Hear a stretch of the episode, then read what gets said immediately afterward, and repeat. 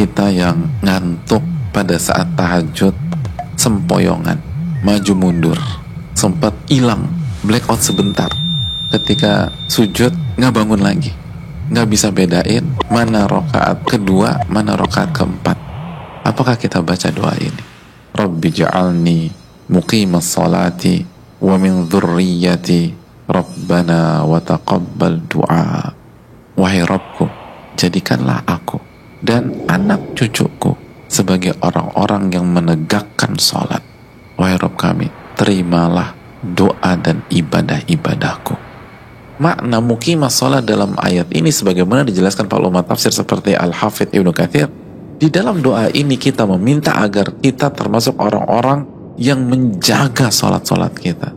Dan menegakkan semua batasan-batasan sholat tersebut Al-Imam Al-Qurtubi menjelaskan tentang doa ini orang-orang yang kokoh di atas Islam dan menjalankan agama Islam itu sendiri.